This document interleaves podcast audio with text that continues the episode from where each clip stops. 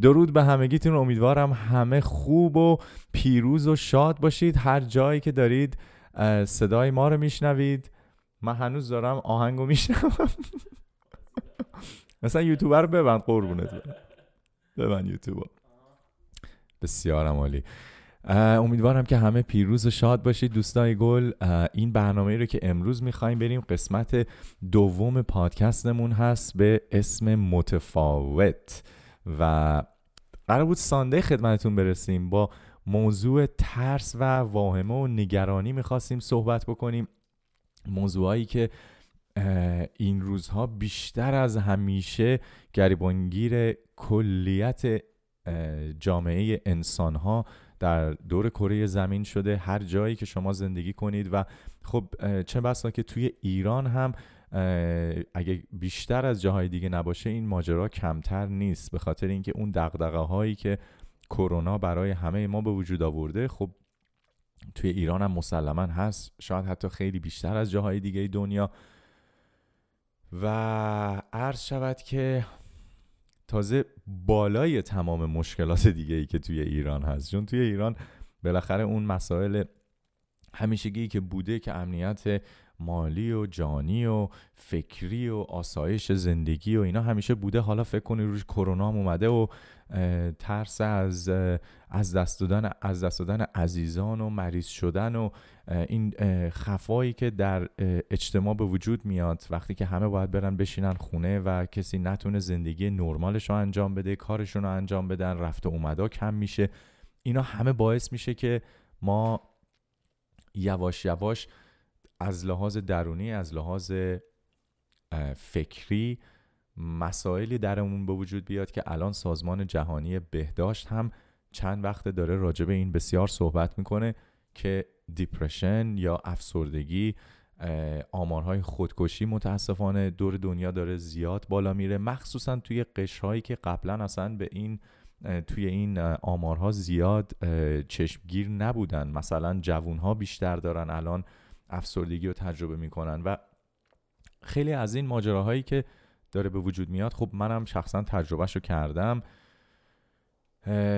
میدونی مسئله اینه که وقتی که این ور خیلی ها فکر میکنن و مثلا ما این ور داریم زندگی میکنیم واقعا هیچ مشکلی نداریم. در ضمن دوستای عزیزی که دارن این برنامه رو الان به طور زنده میبینن. دمتون گرم که اگه با ما هستید از هر جایی که هستید و دوستانی هم که دارن بازپخش این برنامه رو هر موقعی که تماشا میکنن یا اینکه دارید بهش گوش میدید. مرسی که با ما هستید. میتونید در مورد برنامه های آینده ما و برنامه های خوبی که براتون در نظر گرفتیم که بسازیم بیاین روی پیج اینستاگراممون aras.bliss همین پیجی که من الان دارم و بیشتر با ما صحبت بکنید. امروز ما اومدیم و کامنت ها رو بستیم. علتش هم اینه که به خاطر اینکه ما اینجا خیلی درگیریم و پیام یه لحظه وایت چات بوده او حتی وایت چات هم تازه هنوز جاستیس نمیکنه به خاطر اینکه اون ورق نشون نمیده. پیام عزیز داره به من کمک میکنه که بتونیم برنامه رو به طور زنده هم پخش کنیم. موردی نداره. هم برنامه رو داریم به صورت زنده الان میریم بالا. فقط به خاطر اینکه میخوایم که یواش یواش اینو تست کنیم و ببریم به سمت اینکه بتونیم به طور زنده مهمونای جدید بیاریم. مهمونای رو به طور زنده بیاریم و اینکه بتونیم با شما به طور زنده صحبت بکنیم. ولی به خاطر اینکه در صورت در شرایط حال ما نمیتونیم هم به طور زنده برنامه رو مادریت کنیم یعنی اینکه کامنت ها رو هفته قبل دیدم که چند نفر اومده بودن و داشتن حرفایی میزدن که خب به نظر من فقط بیادبیه و من هیچ وقت مخالف این نیستم که کسی نظرش رو بگه ولی بیادبی و احترام به همدیگه بسیار بسیار مهمه. اصلا مهم نیستش که شما چه فکری دارید و از چه باورهایی دارید. همیشه ما باید به هم احترام بذاریم. تا اینکه ما بتونیم به جایی برسیم که من بتونم یه نفر رو داشته باشم که هم بتونه به همون کامنت هامون رو مادریت کنه و با کامیونیتی بهش میگن کامیونیتی مادریتر یا کامیونیتی منیجر که به زودی به اونجا خواهیم رسید و یک نفر هم مثل پیام که لطف داره و داره به ما کمک میکنه در برنامه رو تهیه کردن. کامنت ها رو فعلا من اگه اجازه بدید بسته نگه میدارم. منتها سوالایی رو که من سوال کرده بودم شنبه که نگرانیاتون تو زندگی چیه بزرگترین زند... نگرانیتون چیه و جوابای بسیار قشنگی گرفته بودیم که حالا حتما بهش میپردازیم پیام اول تو چطوری خوبی حالا احوالت خوبه بله منم خوبم مرسی که میپرسی مرسی مرسی که خوش میگذره آره اون اون ورم باید بتونیم هر... حالا میدونی چه آخر برنامه فکر کنم این دوربین رو من برگردونم باز این ورم یه شات به همه بدیم که دوستانی که دارن ویدیو این ماجرا رو میبینن در ضمن بازپخش ویدیویی رو ما این پادکست رو میذاریم روی یوتیوب. هنوز پادکستمون رو ما روی پادکست پلتفرم های مختلف نگذاشتیم. منتها بعد از این برنامه من همه رو خواهم گذاشت یعنی از امشب به بعد. و بریم دیگه برسیم به سراغ اصل ماجرا. اول که اسم برنامه متفاوت تصمیم گرفتیم اسمشو بذاریم متفاوت به خاطر اینکه حقیقتا من مثل این برنامه رو خودم خودم نشده بودم که باشه و دوست دارم که چون برنامه‌ایه که من دارم تهیه و اجراش میکنم میخواستم که اون ماجرای متفاوت بودنی که توی ذهن من هست همیشه حالا توی این برنامه هم بیاد و امیدوارم شما بتونین لذت ببرید. من به شخصه توی زندگیم حالا اون دوستانی که من به طور یعنی شخصی نمیشناسن خب خیلی کارا کردم خیلی خیلی کارا کردم و به قول انگلیسی ها بلسینگی بوده یا اینکه نعمت هایی بوده که واقعا یه کارایی کردم که حتی خودم تو آرزوام هم نمیتونستم ببینم خوبی های زیادی بوده بدی های هم بوده. مثل همه زندگی همه انسان ها لحظات شادی بوده لحظات ناراحت کننده بوده. ولی در یک سال گذشته به خاطر ماجرای کرونا خب منم مثل همه خیلی به هم فشار اومد. مثلا ماها که کارمون توی هیته کاری اینترتینمنت یا مسائل چی میگم پیام بنگاه شادمانی میگه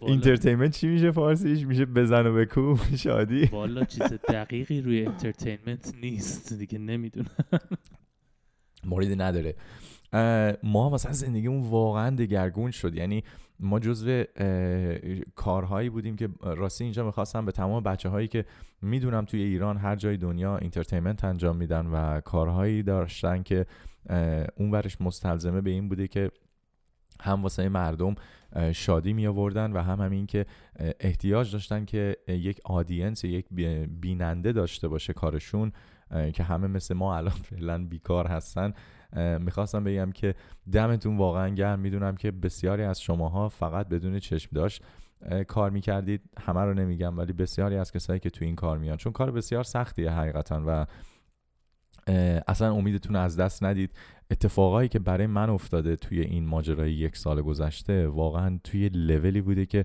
معنای زندگی رو برای من دگرگون کرده و تجربه هایی که من به دست آوردم مثلا توی همین چهار پنج ماهی که من نشستم توی خونه و داشتم از صبح تا شب مطالعه بکنم خودم رو سعی کنم بیشتر بشناسم به خاطر اینکه سوالایی که برام پیش اومده بود اصلا واقعا دگر... یعنی دگرگون میکنه آدم میدونی؟ مثلا میگی که من دور دنیا رو رفتم با بهترین ها روی بزرگترین استیجا جلوی چند هزار نفر اجرا داشتم. اصلا شادی رو که تجربه کردم با بقیه به اشتراک بگذارم حسایی رو که قشنگی رو که در اون لحظه ها میگیری اصلا فکر نمی کنی که ممکنه یه روزی یه اتفاقی بیفته که هیچ کدوم اونا دیگه نباشه. و یه دفعه میبینی که یه بشکن اتفاق میفته و این صداش خوب نبود یه دونه دیگه. حالا بهتر شد یه بشکن میزنه و همه چی یه دفعه میریزه به هم اصلا کن فیکون میشه و واقعا در یک چش به هم زدن یه پلک به هم زدن ما اصلا زندگیمون رفت بالا و اومد پایین و اصلا دیگه و... اصلا وجود نداشت دیگه یعنی کارهایی رو که ما میکنیم حالا بگذاریم که در قسمت قبل صحبت کردیم راجع به بیزنس جی سپات ما و که چقدر بار خوبی بود و اونم رفت تو هوا و زمان و وقت و پول و همه اینایی گذاشته بودیم روش اینا همه رو بذارید کنار. نهایت نهایتش وقتی که همه چیزی که داری و هر چیزی که براش 15 سال عشق و زحمت و عرق ریختی توی یک پلک به هم زدن از دست میدی که این تجربهش برای بسیار انسانهای مختلف در شکلهای مختلف میاد. مثلا از دست دادن یک رابطه هم دقیقا همون حسو داره. مثلا شما اگر که یه رابطه ای داشته باشید که بسیار برای آدم های مختلف داره این اتفاق میفته که به خاطر کرونا به خاطر اینکه خب کاراشون از دست دادن شرایط زندگی عوض شده رفت و اومده استاب شده رابطه هایی که داره از هم پاشیده میشه متاسفانه. حالا چه برای زن و شوهرها چه برای دوست دختر پسرها چه برای خانواده ها زیر یک سقف بخواین شما انسان ها رو نگه دارید که مثلا بگو دو ماه سه ماه با هم کنار بیان واقعا کار سختیه. بیشتر انسان اصلا به اون ماجرا فکر نمیکنن به خاطر اینکه در زندگی نرمال یکی میره مدرسه یکی صبح بلند میشه میره سر کار. حالا هر هر جوری بگذره چه پول کم باشه چه زیاد باشه وقتی که همه برمیگردن خونه چند ساعت وقت هست که همه میخوان یه شامی بخورن و همدیگه رو ببینن. و نهایت هم آخر هفته میگیم بریم یه حال و حولی بکنیم و تموم میشه میره. که حالا نهایتا من به اینم خواهم رسید که این ماجرایی که چرخشی که یا این همستر ویل ما بهش میگیم که یعنی میشه یک این سنجاب رو دیدید. سنجاب موش چی بهش میگن؟ میندازن توی این آکواریوم ها. بعد واسه شون یه دونه چیز میذارن پیام یه دونه همستر ویلی که میدوه رو برامون اگه بتونی نشون بدی خیلی خوب میشه. خلاصش این همستر ویل اصلا خیلی چیز معروفیه توی زبان انگلیسی که همه ما در حقیقت در زندگیمون چنان درگیر زندگی کردن میشیم که اصلا یادمون میره که ما اصلا اومدیم اینجا چیکار بکنیم اصلا هدف ماجرا چی بود هر روز برو سر کار یا برو مدرسه بعد بیا بشین خسته دیگه میرسین خونه یه غذا بخور با هم دیگه حالا خیلی خوش شانس باشیم با هم دیگه بشینیم و یه خوشو بش بکنیم و دوباره آخر شب همه این این ور بخواب و اون اون ور بخواب و هم بخوابن دوباره صبح بلنشیم بریم بیرون. این واقعا علت اومدن ما روی کره زمین نیست و اگه کسی فکر میکنه که علتی که اومده روی کره زمین آها داری نشون میدی چقدر خوبه.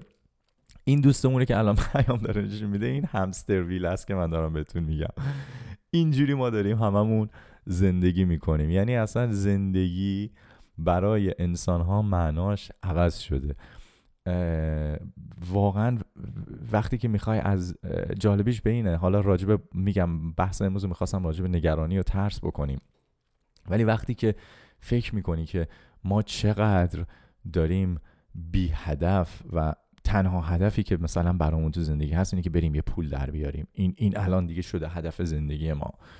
یا یعنی اینکه بریم یه کاری بکنیم. میدونی چی میگم؟ الان او من برم الان کار بکنم. الان باید فلان نمره رو بگیرم. الان باید فلان درسمو بخونم. الان باید برم دنبال این دختر. الان باید برم دنبال اون. اینا اصلا واقعا شدمش هدف زندگی نیست. اینا جزوی از ماجرای زندگی ما هستش که یک بخش کوچولویی هست.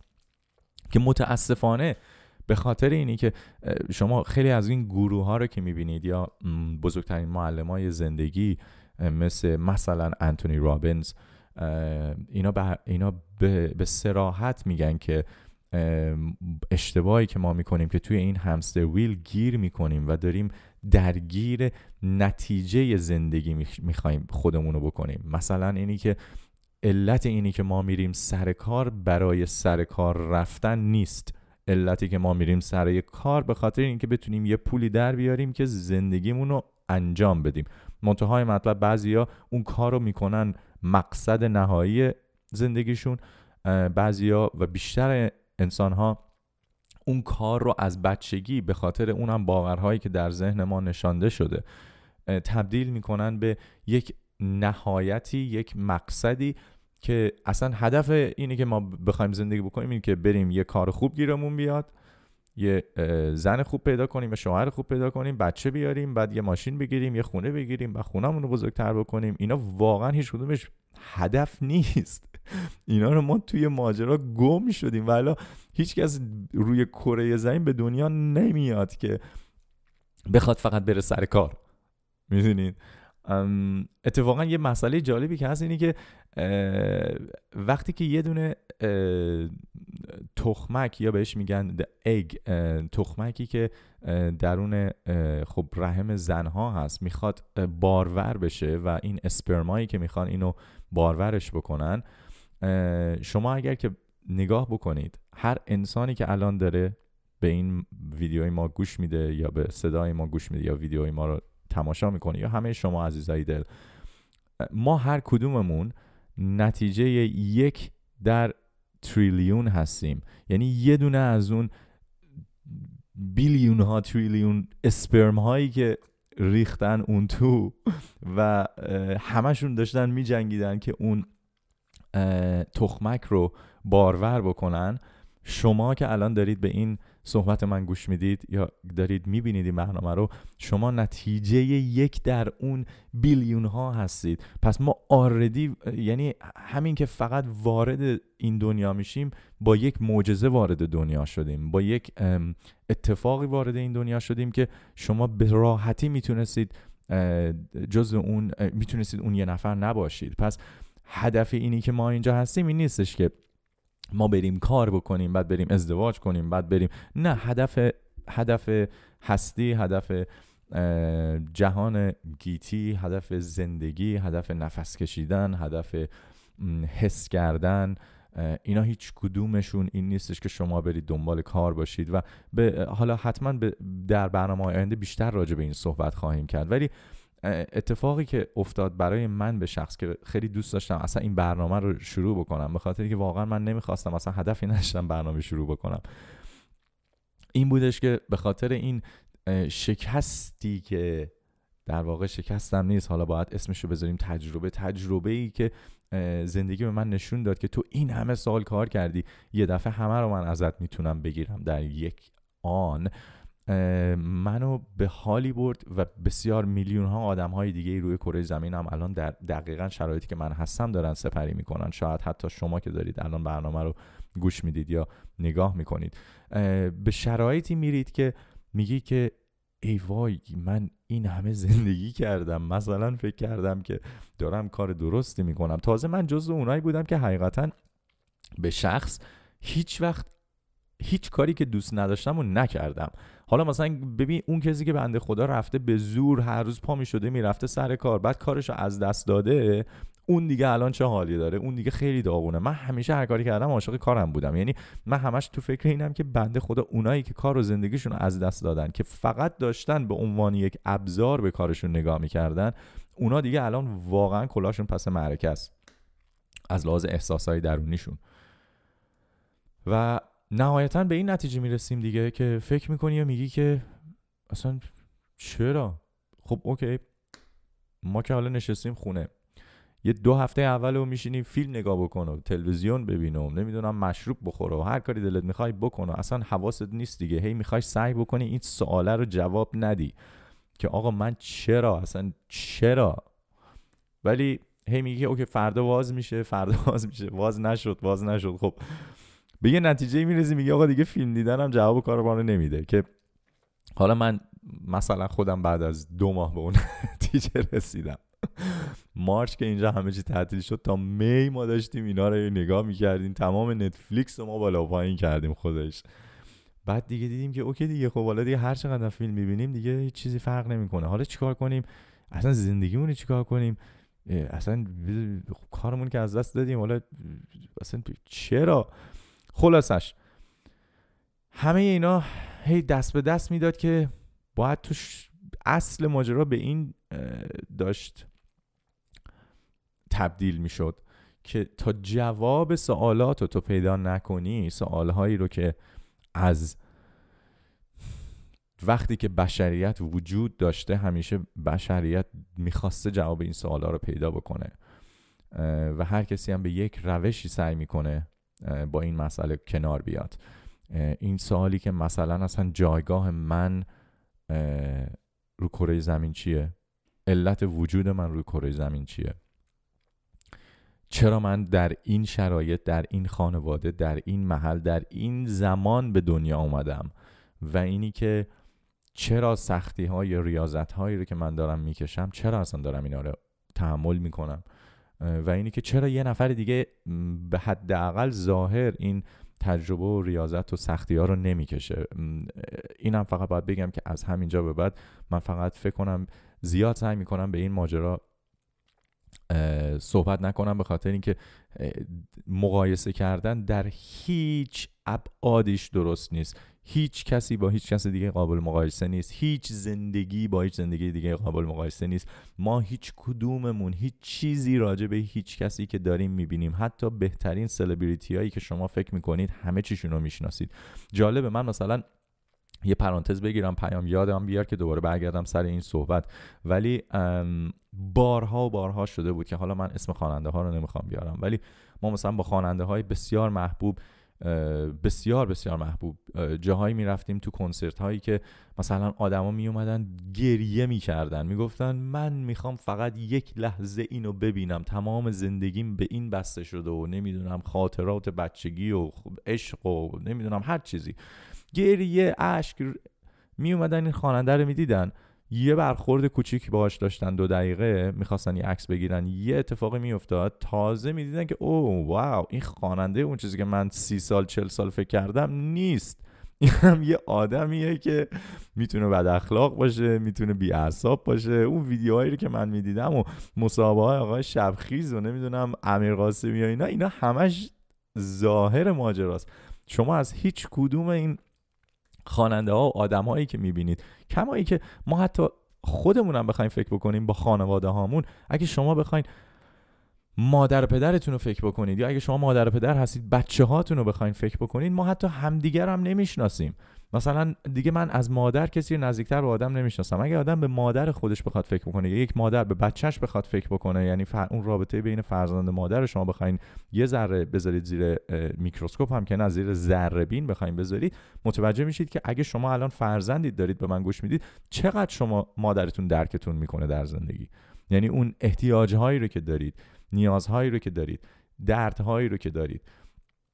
و چقدر میفهمنتون اگه مشکلی دارید چقدر درک میشید؟ و برعکسش اگه شما مادر پدر هستید بچهتون چقدر شما رو درک میکنه چقدر شما رو میفهمن و چقدر نیازهاتون رو متوجه میشن؟ در نتیجه شما میفهمید که بسیار سریع و بسیار به راحتی متوجه میشید که ما حتی نزدیکترین کسای زندگیمون رو مادرمون رو که ازش به دنیا اومدیم نمیشناسیم. وقتی که مادرمون رو نمیشناسیم تازه یواش یواش به این نتیجه میرسیم که او واو من اگه فکر میکردم مامانم میشناسم و نمیشناسم بذار ببینم خودم رو میشناسم بعد تازه شروع, شروع میکنیم به فکر کردن راجع به خودمون وقتی شروع میکنیم فکر کردن به خودمون میگیم که خب مثلا من کیم اون اولین سوال دیگه نه من کیم مثلا این دسته رو کی داره تکون میده میدونی چرا من تصمیم میگیرم یه کارایی رو بکنم یه کارایی رو نکنم اینا سوالای بسیار بنیادی و نهادیه که کیفیت و کمیت زندگی ما رو به ثانیه به ثانیه داره بر اساس این سالهای نهادی اتفاق میفته در نتیجه ما وقتی که داریم فکر میکنیم که آقا من کیم این بسیار سوال مهمیه. یه یکی از بزرگترین سوامیا یا ماهاریشی هایی که اینا مثل پدر اینا مثل روحانی های بودایی ها هستن یا هندی ها هستن میگه که بزرگترین سوالی که هر انسانی میتونه در زندگیش بکنه اینه که من کیم. و اتفاقا جالبیش به اینه که وقتی ازش میپرسن که چی پیشنهاد میدی؟ اگر یک چیز بخوای بگی به انسان ها اینی که میگه که من به هر انسانی پیشنهاد میدم از خودش روزی چند صد بار بپرسه من کیم. من کیم. کی هست که درون ذهن من داره گوش میده به حرفایی که من دارم میشنوم؟ چون مغز شما این کار انجام نمیده. مغز شما فقط مثل یک سلفونه که اون سی پی یو یا اون مغزی که توی سلفون شما هست که داره همه چیزو انجام میده. مغز انسان هم همینه. مغز انسان فقط داره داده ها رو از بیرون میگیره و همه رو به شکل یک فیلم به شکل یک صدا به شکل یک بو به شکل یک تصویر در ذهن درست میکنه که فقط ما بتونیم بفهمیم کجا هستیم در زمان حال من الان در کدوم موقعیتم اوکی بالا پایینم اونورم پیام نشسته شما دارید نگاه میکنید این کار مغزه منتها منتهای مطلب اینه که ما به خاطر اون اهلی شدنی که حالا در برنامه های متفا... برنامه های آینده بیشتر در موردش صحبت میکنیم. اینی که انسان ها کماکان حیوانن. ما اگه بخوایم ما هیچ فرقی با بقیه حیوانات نداریم. هر کسی که فکر میکنه ما حیوان نیستیم شما پس باید برید از کتاب داروین شروع بکنید و تازه یه خورده مطالعه بکنید ببینید که انسان هم حیوان هستن.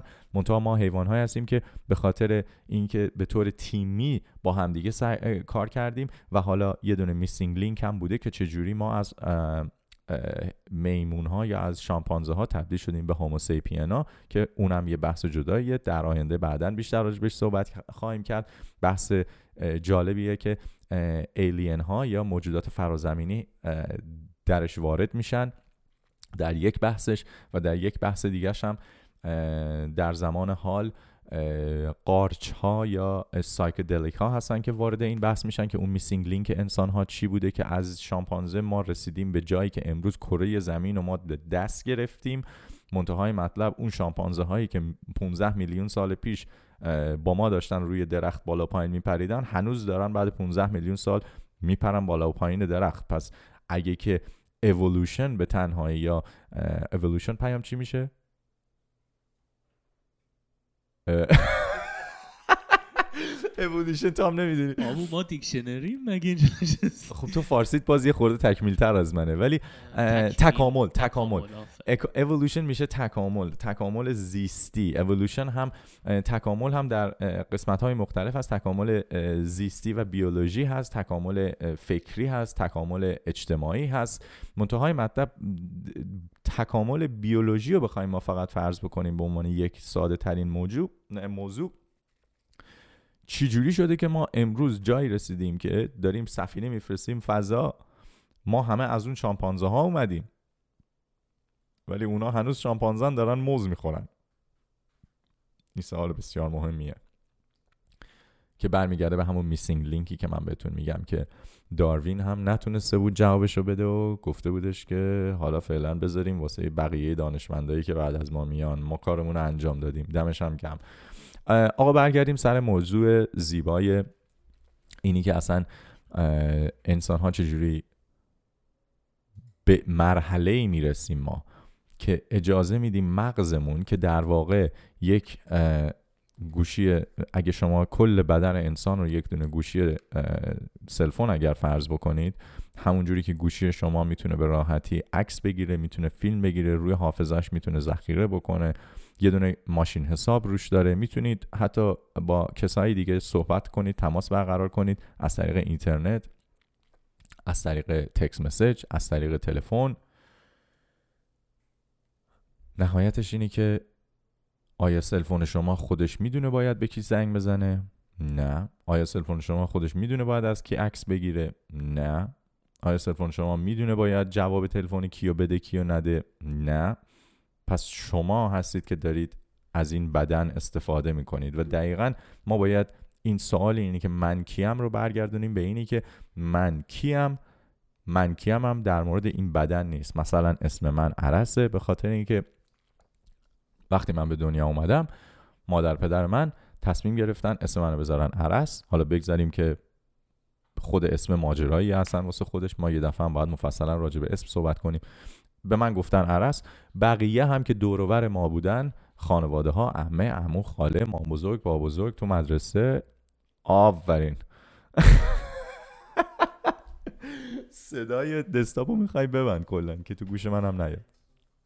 چی شده؟ آه نیستش آه خب رو صدای تو گوش من که داره میاد میبخشید بچه من صدا شنیدم از کامپیوتر یه دفعه کاملا منو ترکون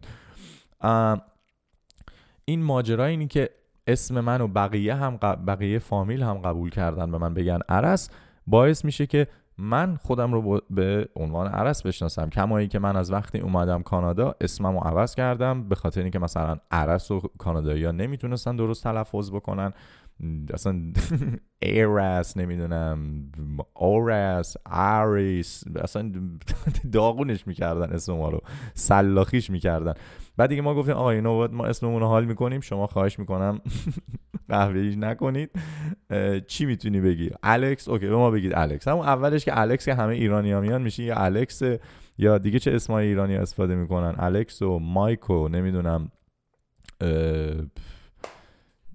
جورجو ریچارد و والا جورج و ریچارد زیاد ایرانی ها من نشیدم ایرانی ها همه خدا رو شکر بالا تا پایین الکس میشن یکی رحمان بود میگفت بهم بگین ریچارد آ اوکی بیا رحمان بوده شده ریچارد بیسیکلی خیلی دیگه ما میایم اینجا حرف اول اسممون رو میگیریم یه اسم جدید از روش در میاریم که برای خودمون و برای بقیه هم شیرین و میگیم به به به چقدر همه کنسر او بله بله بله ما سالای ترس و وایمر هم جواب میدیم مرسی پیام جون. حتما حتما جالبیش به اینه که فقط من میخوام همین یک نکته رو راجع به اسم اشاره کنم که وقتی ما تصمیم میگیریم خودمون اسممون رو عوض بکنیم مهمم نیست به چه اسمی. هر اسمی میگیم دیگه از اون به بعد به اون اسم وقتی کسی صدا میزنه جواب میدیم. مثلا شما اگر اسمتون اسم من عرس هست خب من دارم تو خیابون میرم. قبل از اینی که مثلا میخواستم تصمیم بگیرم اسممو بذارم الکس تو کانادا اگه یه نفر تو خیابون میگفت الکس ما اصلا نگاه نمی کردیم با من که نیستش که من عرسم من نمیدونم اون کیه یه نفر دیگه است ولی جالبش بینه به محض اینکه من تصمیم گرفتم که من اسمم الان الکسه میرم تو خیابون یه نفر میگه الکس بعد ما اینجا میگه جانم با منی خب این یه نکته خیلی بزرگ داره به ما نشون میده که اسم ما که بزرگترین و اولین چیزی هست که ما همه باور داریم وجود ما رو داره به بقیه میگه وقتی یه نفر به شما میگه خودتون رو معرفی کن شما کی هستید؟ یا قبلا هم تو فارسی میگفتن که یادتون فیلم های قدیمی. مثلا یه نفر داشته تو شب میومده تو تاریکی میگفته چی پیام؟ ای تاریکی کیستی. دقیقا. تو کیستی؟ خب توکیستی جوابش چی بوده؟ مثلا میگفته من محمد ابن احمد ابن نمیدونم چی چی بودم. یعنی پسر فلان فلان از منطقه یه لسنه من اگه یه فامیلم داشته مثلا نمیدونم رفسنجانی هر چیز. پس وقتی که یه نفر یک انسان برمیگرده به شما میگه تو کی هستی اون چیزی که شما دارید خودتون رو به بقیه میگید در واقع فقط یک سری قراره که شما بچه بودید بهتون گفتن تو اینی. حالا خب اگه تصمیم بگیری اون نباشی دیگه تو اون نیستی. خیلی اصلا اسمشون رو کامل عوض میکنن و میشن اصلا یک آدم جدید. حالا این باورها رو از اسم بگیرید که بنیادی ترین شناسایی ما هست از خودمون. بریم تا بالا. زبانمون چیه؟ منطقه زندگیمون چیه؟ دوستامون کیا هستن؟ خانوادهمون کیه؟ دینمون چیه؟ باورهامون چیه؟ چی اشتباهه؟ چی درسته؟ نمیدونم. او توی خانواده من میبینم که اون روز من توی تلویزیون دیدم توی من و تو توی ببین توی بچه یه قسمت جالب اون نشون دادن. عجز زور من اومد. یه تخم سگ انقدی اومده بود بچه 14 سال نشسته بود کنار مامانش. مامانش طلاق گرفته بود و من مرد زندگیم. تو اجازه نداری با کسی. چی میگه و بزن درش. من مرد زندگی هم با کسی اجازه نداری رابطه برقرار کنی. چرا این همچین باوری داشته؟ به خاطری که تو جامعه ای که داره بزرگ میشه بهش گفتن تو باید رو مامانت غیرت داشته باشی نباید بذاری. خب این بر اساس باورهاش داره حرف میزنه دیگه. هم زندگی واسه خودش سخت کرده هم دهن مامانش داره زندگی رو کوف میکنه. نمیذاره مامانه با کسی بره. خودش هم دهنش صاف شده که حالا مامانه انیویز انسانه دیگه لازمه با یه نفر باشه. حالا پدرش هم بنده خدا فوت کرده بود اصلا مهم نیست پدرت فوت کرده باشه طلاق گرفته باشه هر چی شده دیگه بابا مامانت هم حق داره بابات هم حق داره خودت هم دهنتو ببند خوشحال باش که داری با مامانت زندگی میکنی این باورها هست که باعث میشه ما زندگیمون رو برای خودمون سخت کنیم که برمیگردیم سراغ اصل ماجرای این هفته که باورهایی که ما داریم که باعث میشن ترس و نگرانی درون ما بنیادی بشه و نهادی بشه و کل وجود ما رو بگیره چیزهایی هستن که زندگی رو برای ما روی کره زمین تبدیل به برزخ میکنن. در واقع خود ما داریم این کار رو انجام میدیم. یا باورهایی رو داریم که زندگی رو برای ما بهشت میکنن. اتفاقا جالبیش به اینه که حالا به این موضوع هم میرسیم که توی این چیزا میخوام بهتون نشون بدم. پیام اگه میشه بریم سراغ اولین آره اولین اسکرین شات از جوابایی که گرفتیم که با دوستان داشته باشیم. میخوام این جوابا رو ببینید جوابای باحالی بود. اوکی پیام. خب. بذارید من یه خورده آب بخورم. دهنم خشک میشه. بعد هی باید این کارو کنم. گوارای وجود. مرسی پیام جان. آقا پیام کنترل رو بگیر که من اینو یه خورده زومش کنم لطفاً. دکمه کنترل گرفتی آها خب بیا الان داریم اینو بذار من یه ذره اینو ببرم این برتر اه دوباره پرید چرا آها مرسی پیام جان خب عرض شود که من ساتردی شنبه قبل از اینکه میخواستیم قسمت اول بریم ازتون درخواست کردم که به من بگید که بزرگترین نگرانیاتون توی زندگی چیه و یه سری نگرانی ها رو با ما در ارتباط در میان گذاشتید که من میخوام باهاتون یه بعضی هاشون نشون بدم. مثلا که سفارت هلند بسته بسته است میخوایم ببینیم ویزا میدن از ایران بریم و تا باز نشدنش با وجود کرونا زنده بمانیم. این دوستمون بزرگترین نگرانیش عموه عمو جانی. من نمیدونم عمو چرا نگرانیان این بزرگترین نگرانش اینه که بمیرم و بچه هم بی مادر بزرگ بشن. نگرانی موجهیه راجع به همه اینا میخوایم صحبت کنیم ما میخوام فقط ببینید که جالبی این ماجرا به اینه. که نگرانی هایی رو که ما در زندگیمون داریم هیچ کدوم مختص ما نیستن و وقتی که به عنوان یک شخص سوم ما یک شروع میکنیم به نگرانی های همه نگاه بکنیم. حالا شما متوجه میشید. میبینیم که تقریبا همه از یک چیز نگرانن و همه ترس ما از یک چیزه. ترس از آینده. یکی دیگه از یکی از دوستای خیلی خوبمون گفته هیچی فقط این که کلا زندگی به نیست یعنی هست و واقعا نگران نگران کننده است. این کلا نگرانی این عشق من به این بوده که چرا همه چیز براش مهم نیست و حال داره میکنه. این بزرگترین نگرانیش اینه که چرا من برام همه چی اوکیه. که اون این دوستمون داره در بهش زندگی میکنه. اون بهشتی رو که درست میکنه برای خودش برای اینکه هیچ نگرانی نداره. ترس از آینده آینده مبهم دوباره. نگرانی از آینده مبهم. ببین دوباره همونه. پیام بریم سراغ عکس بعد. کنترلم ول میکردی من میتونستم عوضش کنم آه خب بذار برگردیم اینو دوباره کوچیکش کنیم آ سفارت چجوری بریم این و نه نه نه مقصو بل کن مقصو بل کن آها بقلی بگیر بیا خب حالا دوباره زوم کنیم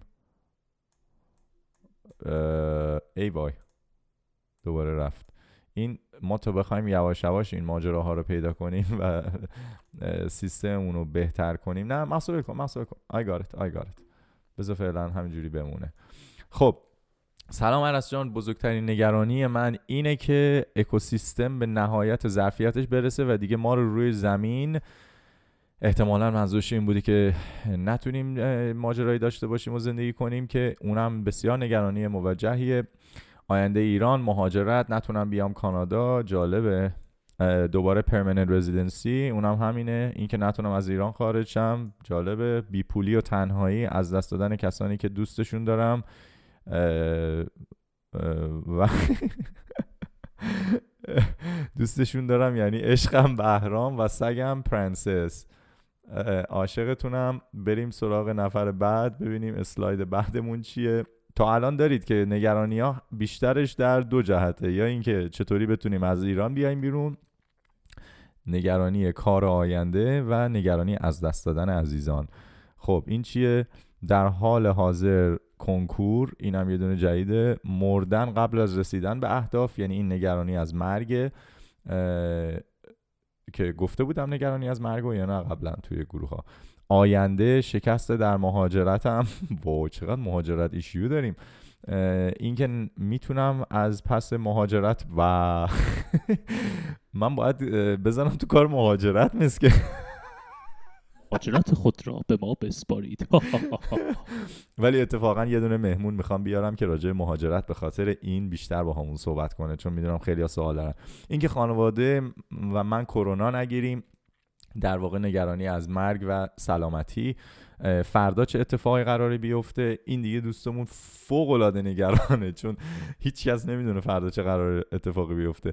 اینکه قبل ممنوع الخروج شدن باز بیام اونور واو دوباره یکی دیگه. آ بخوایم آمار بگیریم واقعا نگرانی ها راجع به تو الان فکر کنم 50 درصد نگرانی ها راجع به بیران آمدنه یو US becoming an outright dictatorship یعنی آمریکا دیکتاتورشیپ بشه و ترامپ که هنوز گورش گم نکرده این دوستمون نگرانی که بسیار نگرانی موجهیه بسیار موجهه به اون هم بیشتر بعدا راجع صحبت خواهیم کرد نتونم موفق بشم و زندگیمون نجات بدم اینم نگرانی از آینده است مثل همون کسی که گفت فردا چه اتفاقی میفته تنهایی تنها موندن از لحاظ پارتنر منظورمه 25 ساله شدم تازه ولی به شدت میترسم تنها مونم قربونت برم تو 5 سالته الان چرا دنبال تنهایی و پارتنری برو زندگی تو کن چی میگی حرومزادگی بعضی از آدم و اشتباهات خودم بله دیگه این دوستمون کاملا ترکون ترس از اینکه بمیرم و بچم بیمادر شه خب بازم این ترس از مرگ و کلا در ایران همیشه ترس و نگرانی همراهمونه منظورشون ترس از آینده است جمهوری اسلامی واقعا بزرگترین نگرانیمه برای شما نه برای بسیاری از آدمهای رو کره زمین دیگه بزرگترین نگرانی این ماجرا اینی که امتحان نوبت امتحان چی نوبت دومم حضوری نباشه چون من نفه نهمم چی؟ پیام میفهمی چی گفته این؟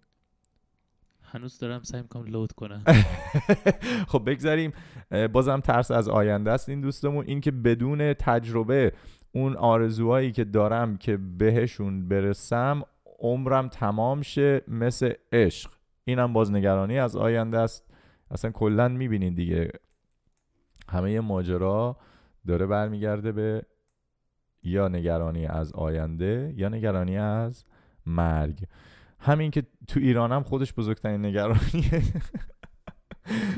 آره نگرانی اون میبخشید من میخندم نه اینکه خنده داره اینا به خاطر اینکه خودش هم خنده گذاشته نگرانی من اینه که کی کارای مهاجرتمون دوباره شد مهاجرت دوری از عزیزان اینکه صبح بیدارشم ببینم یکی از عزیزانم به هر دلیلی کنارم نیست بازم نگرانی از مرگ. چقدر کامپیوتر داری؟ یواش میشه. چرا؟ ویرده. اینکه صبح بیدار شم ببینم یکی از عزیزانم آره اینو گفتیم. دوری از عزیزان کلاس آنلاین. کلاس آنلاین دیگه چرا نگرانی داره؟ بیزنس آنلاین خب اونم باز نگرانی از زندگی و آینده است. من فکر کنم که این ماوس من داره ریپ میزنه باتریش داره فکر کنم تموم میشه کنکور کنکور بازم آینده واقعا رسیدن شب عید خالی بودن دست و بالم امسال جلوی زن و بچم این نگرانیه که با اون هم صحبت خواهیم کرد کرونا بازم نگرانی از سلامتی و مرگ مرگ این دوستمون که علنا گنده نوشته مرگ پیدا کردن شغل باز آیندهم چطور میشه یک کشور پناهنده پذیر پرونده ما رو قبول کنه. این دوستمونم مهاجرت اینم باز مهاجرت یعنی باز مهاجرت مهاجرت هم در واقع به نوعی نگرانی از آینده است. مهاجرت از دست دادن عزیزم. آینده تا ما... ما... چی؟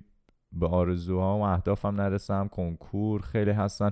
میبینید دیگه الان داریم ما همش دور همین دایره میریم که زندگی چی میشه آینده چی میشه و مرگ. چقدر زمان زود میگذره و من تو زندگی کلی باید پیام. الان امیدوارم که روی دوربین گوپرو نس باشیم دیگه درسته؟ خب حالا گوپرو رو بذار که من دارم نگاهی تلویزیون میکنم شاید بهتر باشه. ترس از دوست نداشته شدن. اوه اوه این دیگه این یه ترس جدیدیه که بزرگم هست خیلی توی انسان ها وجود داره. ترس از اینی که دوست نداشته شده باشن. یعنی اینکه کسی دوستشون نداشته باشه که در حقیقت ترس از ریجکشن و نان اکسپتینگ بودن اجتماع هست. حالا اوه چقدر از اینا زیاده. همه راه ها بسته شدن. من هنوز نتونستم برم. بازم میبینید که همون ماجراست. بی پول باشم بیکار و تنبل. دیگه تنبلی و قربونت برم. باید خودی خود زحمت بکشی. بعد بعد خامنه ای ایران چی میشه؟ این دوستون دیگه خیلی ترسش به آینده است. حالا هنوز هستن اینا. نگران شما بعد اونا نباش. از دست دادن تنها کسایی که برن بازم ترس از مرگ. آقا بس دیگه همش فهمیدیم. نهایت ماجرا اینه که برمیگردیم سراغ پیام اینو میذارم روی تایمرم که تایمرم رو داشته باشم اجازه بده. آها there we go.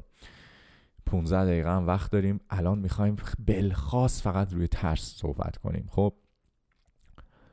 آقا اگر که تمام این دوستانی که این مسائل رو گفتن مسائل شوخی نیست. اینا بسیار مسائل جدیه. مسائلیه که میتونه زندگی و اون جنس زندگی رو برای هر کسی که داره این نگرانی ها رو تجربه میکنه بالا و پایین کنه. شما اگر که یک دونه کوچکترین نگرانی داشته باشید مثل اینی که مثلا تو با کرونا قرار چه اتفاقی بیفته یا مثلا کسی قرار مریض بشه یا نشه کسی قرار از بین بره یا نره؟ تمام زندگی شما برای این اساس الان عوض خواهد شد. شما بیرون نمیرید. وقتی بیرون میرید از همه دور وای میسید. وقتی که میاین خونه میخواین ده بار دستتون رو بشورید. بیرون میخواین لباستون رو درارید. آدم دیدیم مورد داشتیم که با خودش دو دست لباس میبره. قبل از اینکه وارد خانه بشه اجازه نمیدن وارد چه باید لباس تو ماشین عوض کنه. اونا رو بندازه تو کیسه. بیاره بندازه. یه راست تو ماشین. دستاش هم همونجا ضد عفونی. ببین این ترسا باعث دوری میشه. باعث این میشه که فقط ما خودمون تجربهمون در زمان حال که تنها زمانی هست که انسان ها مطمئنن وجود داره. زمان گذشته شما که گذشته ما هست برای خیلی از ماها الان دیگه واقعا وجود نداره. شما از گذشتهتون اگه بخواید فکر بکنید مثلا چه اتفاقایی براتون افتاده شاید مثلا بدترین اتفاق زندگیتون براتون یادتون بیاد تلخترینش یادتون بیاد یا بهترینش یادتون بیاد. ولی بین بهترین و بدترین خیلی چیزا هست که ما همه تو زندگی تجربه میکنیم. هیچ کدوم برامون اصلا به یادمون هم نمیان تا اینکه بخوایم بشینید و اصلا بعضیا انقدر ماجرا دارن باید برن هیپنوتراپی و هیپنوتایز بشن اصلا یه چیزایی یادشون بیاد پس ما از گذشتمون هیچی رو نمیدونیم و این راحت ترین قسمت اینی که بخوایم ترس رو از خودمون جدا بکنیم اینه که به گذشتمون بریم رابطه هایی یا تجربه هایی یا اتفاقاتی رو که برامون بد بودن رو بتونیم بهشون یک بازنگری بکنیم و بگیم که اگه این اتفاق بد برای من افتاده من ازش این تجربه ها رو کسب کردم. اگر که این شکست رو خوردم در ذهن خودم از پسش این چیزها رو یاد گرفتم و با حل کردن علت اصلی مشکلاتمون که اون چیزیه که هنوز گریبانگیر ما هست از خاطرات گذشتمون که باعث میشه آینده و زمان و حالمون رو بر اساس تصمیماتی بگیریم که همیشه پایش اون پایه ترسه. همیشه پایش اون پایه سست بودن و پایه ابهامه و این ترس و ابهام به هیچ وجه نمیتونن به ما آسایش بدن به هیچ وجه نمیتونن به ما اجازه این رو بدن که زندگی رو که ما قرار در زمان حال انجام بدیم بتونیم ازش لذت ببریم چون همش داریم میگیم که الان من یه تصمیمی نگیرم که بر اساس تجربه‌ای که برام قبلا به وجود اومده یا ترسی که قبلا داشتم آینده من یک همچین اتفاقی دوباره براش بیفته چه اتفاقی میفته در این شرایط اتفاقی که میفته اینی که زمان حال یعنی همین الان الان که تنها حالت زنده بودن و تنها حالت زندگی کردن هست ما هممون داریم ازش دوری میکنیم هممون داریم اجتناب میکنیم هممون داریم به دلایل ترس های درونیمون زمان حال رو رها میکنیم. چون که یا نگرانی از قبل داشتیم یا نگرانی از آینده داریم. بسیاری از دین ها مثل بودایی ها میگن که تنها زمانی که برای هر کسی وجود داره زمان حاله زمان گذشته و زمان آینده وجود ندارن به خاطر اینکه هیچ کس نمیدونه یک ثانیه آینده چه قراری اتفاق چه اتفاقی قراره بیفته من به همیشه بچه ها میگم دوز پیام میگفتم من پیام یه دقیقه دیگه از الان ما نمیدونیم یه شهاب سنگ بیاد بخوره وسط خونمون هیچ کدوممون نیستیم و گذشتمون هم که اصلا مهم نیست. گذشته بوده تموم شده رفته ما تجربه بوده که باهاش داشتیم. گذشته دیگه نباید توی زندگی ماها وجود داشته باشه. نه تنها به خاطر اینی که منظورم اینی که درس ها رو ما باید بگیریم. آموخته هامون رو باید با خودمون بیاریم. کسانی که میبینید به گذشتهشون با چنگ و دندون چسبیدن کسایی که همیشه دارن زجر میکشن. کسایی هن که عذاب دارن میکشن. کسایی هن که زندگی رو به اون معنایی که باید انجام بدن نمیدن. کسانی هن که شما میبینید نه تنها به خودشون زندگی رو سخت میکنن بلکه به بقیه هم زندگی رو تلخ میکنن. ما اگه که یک تجربه بد توی یک رابطه داشتیم آه او دقیقا. الان بذارید ببینم که آقا پیام. الان تصویر ما چطوره بهتر شده یا نه؟ پیام میگی یه ذره من تصویرم. بلوری الان خوب شدیم. بسیار عالی.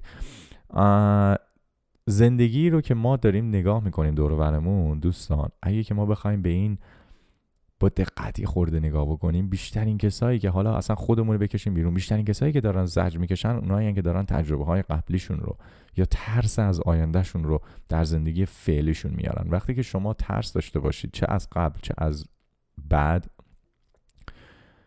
تصمیمایی رو که میگیرید همه بر اساس ترسه و ترس تنها چیزیه که تو فارسی هم بهش میگن ترس برادر مرگ در زبان انگلیسی بهش میگن a life lived in fear is a life half lived یعنی زندگی رو که در ترس زندگی کنید زندگی که هستش که نصفش رو انجام نمیدید. به خاطر اینکه 100 درصد به خودتون اجازه نمیدید که حتی بیاین یک شرایط دیگه یا یک پاسیبیلیتی دیگه ای رو که اگه نمی ترسیدید حتما امتحان می کردید امتحان نمی کنید در نتیجه خیلی چیزهای بسیار پایه‌ای رو در زندگیمون ما از دست خواهیم داد.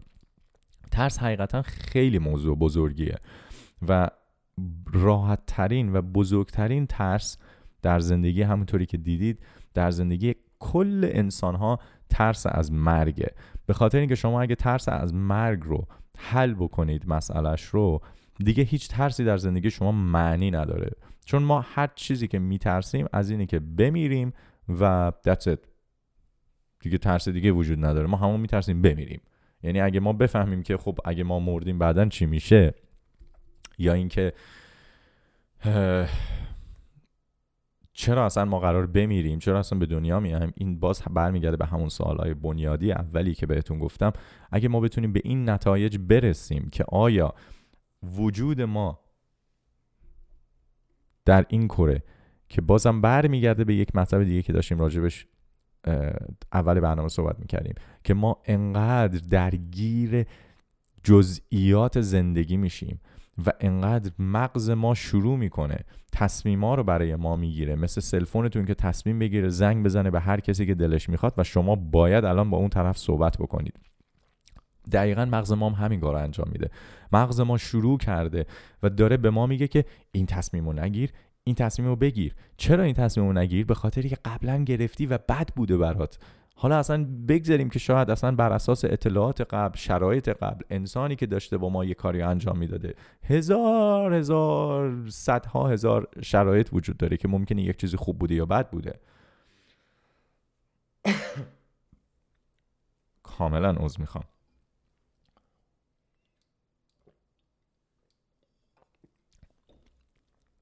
منتها به خاطر اینی که ما وحشتناک درگیر این میشیم که نمیخوایم به این سوال فکر بکنیم و علتش هم اینه که بسیاری از ما میترسیم بخوایم فکر بکنیم میدونید چرا به خاطر اینکه اولین چیزی که اتفاق میافته تا اینکه ما بخوایم فکر بکنیم چرا من هستم و من کی هستم سوال بعدیش که به وجود میاد تو ذهن ما اینه که خب چرا من به دنیا اومدم و چرا قرار بمیرم؟ و از سون از اینی که به محض اینی که مرگ به وسط صحبت میاد که من چرا قرار بمیرم همه یه دفعه کپ میکنن همه میرن عقب میگن آ دیگه من از اینجا بعد نمیخوام بدونم در حال حاضر دارم حال میکنم بذار میخوام الان حال بکنم. کاری نداشته باشین من فرد موج منفی نده نه موج منفی نه نه نه میگم یعنی میگن آها آها آره آره آره موج منفی نده راست میگه آفرین مرگ رو یه جور منفی میبینن آفرین دقیقا. مرگ رو منفی میبینیم. ما مرگ رو همیشه و توی فرهنگ ما هم که دیگه بدتر از بسیاری از فرهنگ های دیگه مثلا توی مکزیکی ها یک قسمت از مکزیکی ها هستن که اینا پنج هزار چار هزار سال قدمت دارن. اینا مرگ رو یک جشن میبینن. میگن که این کسی که اومده بوده روی زمین و تجربه هایی رو کسب کرده دیگه نیست و رفته و داره ادامه راهش رو میده. یعنی در شرایطی که با ما بوده خیلی به ما خوش گذشته چه آدم خوبی بوده و ما میخوایم زندگیش رو جشن بگیریم. الان شما اگر ما هر کدوممون فکر بکنیم و یکی از علتایی که ما بسیار به عنوان یک فرهنگ به مرگ حساسیت داریم اینه که جوری که با مرگ ما برخورد میکنیم جوریه که بسیار ترسناکه. هیچ کس دوست نداره تو اون شرایط باشه هیچ کس دوست نداره توی مراسم ختم بره. من که اصلا خودم نمیرم. من حقیقتا دارم اینم میگم. اینجا بسیار از دوستام گفتم مراسم ختم ایرانی و من تا اون جایی که میتونم نمیرم و اونایی رو که میرم اونایی یعنی که مرگ رو به عنوان ترس و به عنوان خاک ورداریم بریزیم رو سر خودمون و نمیدونم بزنیم سرمون رو تو در و دیوار نداره. درسته انسان ها ناراحت میشن. درسته که دوری عزیزان ما که بهشون عادت کردیم خیلی سخته. ولی ما میتونیم به راحتی به جای اینی که بخوایم بزنیم تو سرمون و خاک برداریم. از اون بریزیم رو سرمون بگیم خاک تو سرم خاک تو سرم. این رفت. بگیم که چقدر خوب بود که این خاطره ها رو برای من گذاشت. چقدر خوب بود که این کارا رو برای بقیه کرد. چقدر خوب بود که این شخص اومد روی کره زمین و برای این 70 80 100 پنجاه چهل 20 سالی که من افتخار اینو داشتم که کنار این شخص باشم تونستم تجربه بودن کنار این شخص رو داشته باشم و بتونم بهش نزدیکتر شم. بازم دارم میگم علت اینی که ما از تر از مرگ واهمه داریم که تمام دیگه ترس هایی که توی زندگی ما میاد از همونه. به خاطری که اگه ما بتونیم با مرگ کنار بیایم اگه بفهمیم علت مرگ چیه و بعد از مرگ چه اتفاقی میفته که سوال اصلی اونه که همه رو داغون کرده که میترسن از مرگ به خاطر اینی که فکر میکنن الان قراره برن اونور با نمیدونم نیزه وایستادن منتظرشون برای اعمالی که توی این دنیا کردن و بسوزونن تو. نمیدونم تو حلقت چی بکنن. و من یادم تو کلاسای دینی خوزولات اینا به ما تحویل میدادن. ما گریه میکردیم سر کلاس میگفتیم مثلا بچه ده ساله میگفتیم حالا بچه ده ساله اصلا چیکار کرده؟ که آخه شما دارید اینو میترسونید. حالا همه اینا هم به هم وصل میشه. شما اگر که یه خورده شروع کنید دنبال جواب اینی که بعد از مرگ چه اتفاقی میفته بگردید و من کی هستم که از اونجا شروع میشه بسیار به راحتی میفهمید که تمام کنترلی که روی انسانها داره انجام میشه در هر جای کره زمین در هر دینی در هر باوری تنها رایی که شما میتونید انسانها رو کنترل بکنید که برای خود شما کار بکنن به جای اینکه برای کسی دیگه کار کنن به حرف شما گوش بدن به جای اینکه به حرف کسی دیگه گوش بدن اینی که انسان ها رو بترسونید. این ترس میشه ترس این کنترل میشه کنترل منفی یا کنترل ترس. در غیر این صورت حتی در جوامعی که شما میبینید بسیار اتفاقای خوب داره میفته اچیومنت های بزرگی داره اتفاق میفته کسایی که دارن الان مثلا حساب بکنید ما توی ایران من داشتم قبل زب به پیام میگفتم ما الان مثلا هی را میریم دور دنیا میگیم ما قدمت فرهنگمون 2000 سال 3000 ساله. ما هنوز یه دونه موشک یه دونه چی میگن ساتلایت نمیتونیم بفرستیم به هوا. منتهای مطلب آمریکا که 300 سال بیشتر کشور نیست آمریکا الان نه تنها کل کره زمین اومدن چند هزار تا الان اینا ستلایت دارن؟ چند هزار تا ستلایت دارن؟ تا سال 2035 ایلان ماسک گفته ما میخوایم بریم کره مریخ هم روش آدم بشونیم و شروع بکنیم کالنایز کردن. چرا این اتفاق افتاده که ما بعد از چند هزار سال قدمت امروز جای هستیم که 100 سال توی تکنولوژی و مدرن بودن و تفکر از کشور از جدیدترین کشور رو کره زمین عقبیم. حتی جدیدترین کشور میشه اسرائیل. دومین سومین جدیدترین کشور بگیم بهتره. به خاطری که فکر کنم بعدش هم میشه کانادا که 120 سالشه و بعدش هم میشه احتمالا آمریکا. حالا ممکنه بگین جز 10 تا جدیدترین کشورهای دنیا.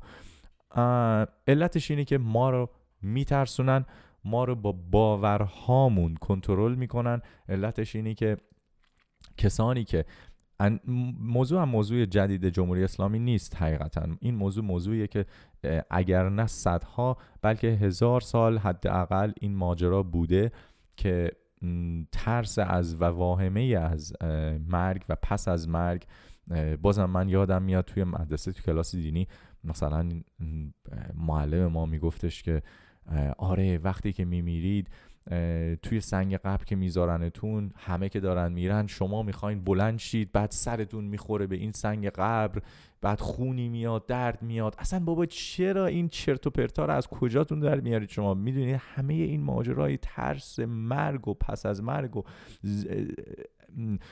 جهنم و راه بهش کلیدش دست ما هست و بیاین ما بهتون یاد بدیم و اگه بمیرید میخورید نمیدونم میرید فلانجا فلان فلانتون رو میکنن تو فلان چیزو.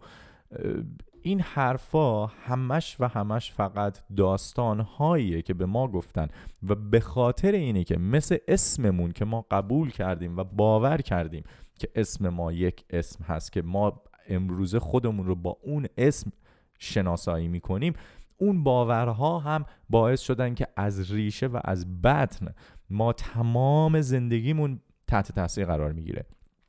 کسایی رو میبینید که زندگیشون رو میذارن بالا و پایین میکنن به خاطر اینکه فقط میترسن چه اتفاقی براشون نیفته. و امروز من نمیخوام فراتر از این وارد بحث ترس از مرگ بشم به خاطری که مرگ خودش و بعد از زندگی پس از کره زمین بحث بسیار شیرین و بسیار قشنگیه که حتما در اپیزودهای بعد بیشتر راجبش صحبت خواهم کرد. ولی یک نکته رو میخوام این وسط قبل از این این آخر برنامه قبل از اینی که میبخشید. قبل از اینی که جمع و جور بکنیم و بریم میخوام بهتون بگم. اونم اینی که من حقیقتا هیچ ادعایی ندارم. هیچی هم نمیگم میدونم واقعا من هیچی نمیدونم هیچی هم ادعایی ندارم قشنگترین چیزی هم که تو عمرم شنیدم اینه که به هر کسی که من خب آخه من خودم همیشه خیلی بچه خرخون به قول ایرانیا بودم تو مدرسه و به قول این, این انگلیسی هم نرد و گیک بودم و هنوزم هستم من هنوز یه نرد گندم و I love being a nerd. خیلی دوست دارم اطلاعات یاد گرفتن رو ولی جالبیش به اینه که وقتی از هر انسانی میپرسیم انسان مدرن میپرسی که باهوش ترین انسانی که شما میشناسید کیه تقریبا الان بهتون میتونم بگم 70 80 درصد انسان ها بلا فاصله به شما میگن انشتین که کسی بودش که پدر فیزیک مدرن بود داستان های ریلیتیویتی جنرال تیوری حتی در واقع پایگیری و شکلگیری کوانتوم فیزیکس رو تا بسیار یعنی خیلی روی دوشش بود. و وقتی که انشتین صحبت میکنه در مورد اینی که بهش میگن تو چی میدونی انشتین میگه من هیچی نمیدونم و اگه ما فکر میکنیم که انشتین باهوش ترین انسانیه که روی کره زمین بوده که شاید از لحاظ هوش ذکاوتی یا آی کیو لولی بتونید همچین حرفی رو بزنیم ولی از همه لحاظ همچین یعنی از لحاظ های دیگه این حرف درست نیست حتی. ولی باهوش ترین کسی که ما فکر میکنیم میگه من خودم هیچی نمیدونم. منم همینطورم شاید قبل از اینی که به این بیدار شدنم رسیده بودم چون من یک تجربه بیدار شدن و تولدی دوباره رو داشتم که حدود سه ماه پیش بود. بازم راجبش بیشتر صحبت خواهیم کرد در طول این برنامه های آتی. ولی قبل از اون منم فکر میکردم خیلی چیزا میدونم. ولی الان حقیقتا هر چه من بگید بهتون میگم. من هیچی نمیدونم. تمام تجربه هایی که دارم باهاتون در اشتراک میگذارم حرفایی که دارم بهتون میزنم حرفاییه که من خودم یاد گرفتم مطالعه هایی که کردم بسیار دارم میخونم دارم خیلی خودم رو سعی میکنم از حفظ نکنم سعی میکنم که به خودم نزدیکتر شم خودم رو بهتر بشناسم و هرچی که خودم به خودم نزدیکتر میشم بهتر و راحتتر میتونم سوال هایی رو که خودم براش جوابامو پیدا کردم با شماها به اشتراک بگذارم.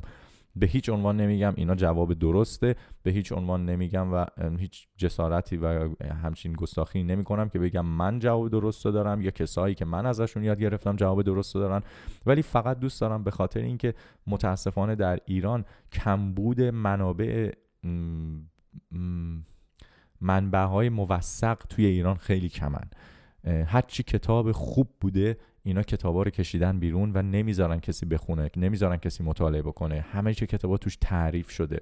توی کتابای نمیدونم تاریخی که گرفته برو تا کتابای معنوی و فلسفی و فلسفی و حتی دین حتی میبخشید ساینس یعنی علوم مختلف تو همه چی دستبرد شده و تعریف شده به خاطر همینی که من فقط یه ذره خودم دوست داشتم برای کسای دیگه ای که شاید مثل من تجربه ای رو دارن توی زندگیشون که الان در ایرانن و در شرایط بدی دارن زندگی میکنن و نمیتونن جواب چجوری باید نمیدونن چجوری باید پیدا بکنن به جای اینی که هر کسی توی ایران الان شما جواب بخواید پیدا بکنید که من کی هستم من کیم و من چرا اینجا هستم بهتون میگم برو دوباره کتاب قرآن رو بخون برو نمیدونم امامزاده فلان یه دخیل ببنده از این حرفا. اون آپشن هست کماکان برای شما هست. اگه شما میخواین بر اون باور باشید میتونید همیشه ادامه بدید. هیچ کس نمیتونه باورهای شما رو از شما بگیره مگر خودتون. و من تنها کاری که میخوام انجام بدم اینه که به شما یک زاویه دیگر رو نشون بدم و بگم که این زاویه هم وجود داره. شما میتونید نهایتا بگید من قبول ندارم یا اینکه میتونید بگید درسته و برای من هیچ فرقی نمیکنه که شما بخواین حرفای منو باور کنید یا نکنید. برای من هیچ فرقی نمیکنه شما بگید عرس دانشمنده یا اینکه بگید عرس قدر نمیفهمه. واقعا برای من هیچ فرقی نمیکنه. شما هر جوری که دوست دارید میتونید زندگیتون رو بکنید. من فقط و فقط بازم دارم میگم اگر چیزی یاد گرفتم میخوام با بقیه در اشتراک بذارم که شاید دسترسی به منابعی رو که من داشتم ندارن. این منابع هم منابعیه که حتی شما اگه در خارج از ایران زندگی بکنید باید دنبالشون بگردید باید انگلیسیتون رو بدونید بسیار خوب بدونید باید علم های پایه رو بدونید. خیلی از چیزهایی که من راجبه حتی مرگ باهاتون صحبت خواهم کرد و تمام صحبت هایی که من باهاتون میکنم از پایه علم شروع میشن و علم نه علم که الان توی کتاب ها داره تدریس میشه که شما دارید میخونید من دارم راجع به علمی میگم که الان امروزه در آزمایشگاه ها داره آزمایش میشه در مورد علم هایی که داره هر روز تست میشه و هنوز بهش میگن forefront of technology یعنی اینا لبه لبه ساینس هستن تازه با ساینسی که کلی اینجا هم سانسور میشه فکر نکنید فقط توی ایران چیزا سانسور میشه توی غرب هم بسیاری از مطالب سانسور میشن. مخصوصا در زمینه علم به خاطر اینکه نمیخوان همه اطلاعاتی بیرون بره و کلا کنترل کردن انسان ها بالای 8 میلیارد نفر جمع جمعیت روی کره زمین. لازمش اینه که شما بتونید سل... سلطه یا سلطه میگن؟ سلطه. شما بتونید سلطه کنید بر انسان ها و سلطه کردن فقط با ترس به وجود میاد. پس صحبت امروز ما من میخوام اینجوری نتیجه گیریشو براتون بکنم که اگر شماها عزیزای دل از هر چیزی تو زندگیتون میترسید همونجوری که دیدید کسای دیگه هم هستن که عین شما هستن و این فقط به شما یک چیزو باید بگه که ترس یک مسئله نهادین و بنیادیه که از درون ما با باورهای ما شکل گرفته. مگر اینی که شما بیاین به من بگید من الان یک شیر داره دنبالم میدوه میخواد منو پاره پاره کنه اون تنها حالتیه که همه انسان ها از یک چیز دارن میترسن که اونا هم بهشون ترس های بهش میگن فایت اور فلایت یا اونا چیزاییه که توی قسمت از مغز هندل میشه که اصلا هیچ ربطی به فکر و تفکر نداره. اون دستتونه که میزنید به یه چیز داغ یه دفعه دستتون رو میکشید ریاکشن هایی که دست خودتون نیست و بهش فکر نمی کنید اگه یک چیزی بترسونتتون یه دفعه میپرید. فکر کنم برنامه این هفته رو دیده باشید دقیقا همون بلا سر ما اومد اگه ندیدید برید حتما ببین تیوی این هفته رو ببینید خیلی باحال بود بیگ تایم ترسیدیم من و سروش خلاصه این ترس ها ترس هاییه که بنیادی و حیوانی ترس های ما هستن منتها هر ترس دیگه رو شما بخواید راجبش صحبت بکنید که عزیزان اون از دست بدیم شما به خاطر این دارید نگران هستید که نمیدونید وقتی عزیزانتون میرن کجا میرن و نمیدونید چه اتفاقی برای اونا میفته و دومش اینه که ترس از دست دادن عزیزان برای اینه که شما این اعتماد به نفس خودتون رو ندارید که من میتونم بعد از این شخصی که از زندگی من بره کماکان زندگی خودم رو به نحو احسنت و خوب ادامه بدم چون که بهشون وابستگی دارید. همون وابستگی هستش که یک نفر میتونه به اعتیاد به مواد داشته باشه میتونه به کارش داشته باشه. اون وابستگی هست که یه نفر میتونه به حال و حولش داشته باشه یه نفر میتونه به رابطش داشته باشه. برای هر کسی در انسان ها این علت ترس و اون فاکتوری که ما بهش وابسته هستیم متفاوته منتها در همه وجود داره. پس برای اینکه ما بتونیم ترس رو از درونمون بکشیم و بتونیم در زمان حال زندگی کنیم تجربه بکنیم و بدون اینی که نگرانی و دغدغه آینده رو داشته باشیم چون که هیچ کسی نمیدونه فردا که خوبه یک دقیقه دیگه چه انتخاب میفته چه اتفاقی میفته چه بسا فردا چی میشه چه بسا ده سال دیگه چی میشه ما باید بتونیم این ماجرای آینده رو از زندگیمون از ذهنمون در بیاریم گذشته رو که کامل بکشین بیرون. یعنی تجربه ها رو در ذهنتون مثل یک هارد دیسک کامپیوتر باید سیو بکنید برای زمانی که لازم داشتید. ولی به در غیر اون صورت هیچ وقت نباید اجازه بدید که مغز شما بیاد و به شما بگه که من الان میخوام این تصمیم رو بگیرم. الان این کارو بکنیم. الان اون کارو نکنیم. اینا تصمیم های مغزی ما نیست. نباید هم باشه. و حالا راجع به آینده هم خیلی بیشتر صحبت خواهیم کرد. که چجوری باید راجع به آینده تصمیم گرفت به خاطر اینکه تصمیم های آینده رو شما در زمان حال میگیرید با کارهایی که انجام میدیم با اکشن هایی که ما اه، اه، یعنی ایمپلمنت میکنیم تو زندگیمون. اینی که من میگم به آینده فکر نکنیم دلیل نیستش که من میگم که بیایم بی قید و بند بشینیم. الان و دوربینمون هم رفت به سلامتی و دوباره اومد. آفرین پسره. بر این ماجرا نیستش که من میگم به آینده فکر نکنید یعنی که اصلا بیخیال آینده همه الان و حال و حول و عیش و نوش و نه عیش و نوشتون هم بکنید حالتون هم هر موقع خواستید بکنید منتها باید یادمون باشه که آینده زمان حاله که ما داریم این دونه ای رو که میکاریم الان او فکر کنم دوربینمون داره داغ میشه پیام برو رو دوربین این ور که من اینو قطع کنم بیا مرسی. ما اینو خاموشش کنیم که این ور داره داغ میکنه. منم ذهنم داره یه ذره داغ میکنه. ولی میخوام ازتون قبل از اینکه خدافزی کنم یه ذره اینو ببندیم. آینده ما در واقع اون دونیه که الان داریم میکنیم که خودش میشه که در زمان آینده رشد میکنه. اگه که ما نگران آیندهمون هستیم بزرگترین سوالی که باید برای خودمون بکنیم اینه که در زمان حال من دارم چی کار میکنم؟ اگه من نگران کنکورمم آیا الان دارم درسمو میخونم؟ که نگران اون نباشم یا اینکه الان دارم میرم پای تلفنم رو اینستاگرام و خب معلومه نگران خواهم بود. آیا اگه من نگران این هستم که کارم برای مهاجرت انجام بشه رفتم تحقیق بکنم ببینم چه راههایی برای مهاجرت هست. همه آپشنامو میدونم همه کشورهایی که به من پناهندگی میدن و میدونم همه راههای خروج از ایران رو میدونم. یا اینکه فقط یه نفر به من یه چیزی گفته اگه اون اتفاق نیفته دیگه همه زندگیم از هم فرو میپاشه. در زمان حال ما باید اکت بکنیم برای اینی که به آینده برسیم. آینده ما یک چیزیه که نباید هیچ وقت به عنوان آینده برامون نگرانی به وجود بیاره بلکه در زمان حال بتونه به ما فقط یک راهی رو بده یک مسیری رو نشون بده که اگر من نگران این ماجرا هستم بذار همین الان بشینم راجبش یک ساعت نیم ساعت یک کاری انجام بدم یا اینکه میخوام کل روزم رو بساش صرف بکنم. حالا بستگی داره که چقدر شما لازم روش انرژی بذارید.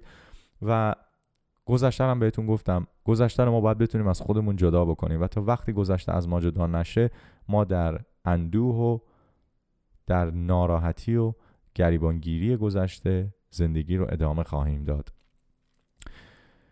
صحبتمون رو فکر کنم اینجا ببندیم. خوبه پیام؟ تو نظر دیگه ای داری سوفار یا اینکه من فقط چیزی که گفته بودی راجع به مرگ یه چیزی همیشه از لورل و هاردی. من همیشه یادمه میگفتن اگه تو مراسم من کسی گریه کنه دیگه باهاش حرف نمیزنیم دقیقا حرف قشنگی میزنه اتفاقا من خودم هم یه چیزی که هم به مادر و پدرم و هم به ستاره پارتنرم میگم اینه که من خودم به شخصه و اینجا میخوام بگم که برای اولین بار به همه بگیم. اگه من هر موقع روزی رفتم یک نفر مدیون گریه کنه دتس اوکی okay. گریه رو میتونید از عشق بکنید از شوق بکنید.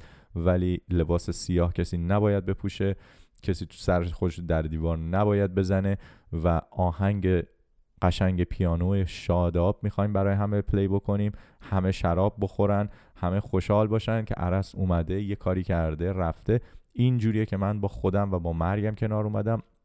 مرگ هم میشه مثل از صبح صبح از خواب بلند شدن. اصلا چیز خاصی نیستش. همون جوری که شما خواب دیدید که راجع به خواب و آرزو و رویا بیشتر صحبت خواهیم کرد در آینده. مرگ هم در حقیقت زندگی در واقع یک رویای فعلی هست که وقتی مرگ به وجود میاد انگاری صبحی که ما از خواب بلند میشیم و اون خوابهایی رو که داشتیم میدیدیم همه یک در یک آن یادمون میره. فقط یادمون بودش که او چه خوابی داشتم میدیدم. خیلی عجیب بود یا خوب بود یا بد بود ولی دیگه مهم نیست. به زندگی ادامه میدیم. مرگ دقیقا اون لحظه هست در یک لول بالاتر از زندگی که ما الان داریم تجربه میکنیم. همونطوری که میریم میخوابیم شب در خواب میبینیم. وقتی که مرگ به وجود اتفاق میفته دوباره در لول بالاتر ما از خواب بیدار میشیم و زندگیمون رو اونجا ادامه میدیم. حالا اون میشه یه بحث کاملا جدا که آردی براتون یه خورده من دارم اون دونه رو میکارم که شما بدونید در برنامه های بعدی ما چه صحبت هایی خواهیم کرد. حتما اگه که این برنامه رو دوست داشتید خواهش میکنم با دوست دوستای خودتون هم به اشتراک بگذارید. صحبت هایی که ما داریم میکنیم صحبت های جامعی هستن که بسیار گریبانگیر انسان های متفاوت هست. اگه شما خوشحالید اگه که از زندگیتون هیچ مشکل و موردی ندارید دمتون گرم. امیدوارم که همون جوری ادامه بدید. ممکنه در برنامه های آینده برنامه واسه شما هم داشته باشیم که به دردتون بیشتر بخوره. منتها اگر که احساس میکنید که زندگی براتون دشوارتره و سختره و دارید زجر میکشید و دارید به سختی های زندگی با سختی های زندگی دست و پنجه نرم میکنید ازتون دعوت میکنم که از این به بعد با برنامه های ما با برنامه متفاوت همراه باشید. و امیدوارم که ما بتونیم شاید در این یک ساعت یک ساعت و نیمی که وقت شما رو خواهیم گرفت شما رو یه خورده نزدیکتر بکنیم به اینی که یه خورده جوابها براتون ابهامش کمتر بشه و حد اقلش اینه که من شما رو بتونم توی همون مسیری بذارم که شاید شما لازمه فقط یه ذره اینوریشی که خودتون بقیه مسیر رو پیدا کنید چون همه ماها میتونیم خودمون جواب همه سوالای هستی و نیستی رو پیدا بکنیم. اکاشیک رکوردز چیزیه که راجبش بیشتر صحبت خواهیم کرد. منبع تمام اطلاعات در گیتی که به همه انسان ها واقف هستن انسان ها بهش و هر موجودی در کل هستی میتونه ازش استفاده بکنه. انقدر اطلاعات داریم که میخوایم باهاتون به اشتراک بگذاریم که وقتمون کمه. ولی من فکر میکنم که این صحبت رو ببندیم.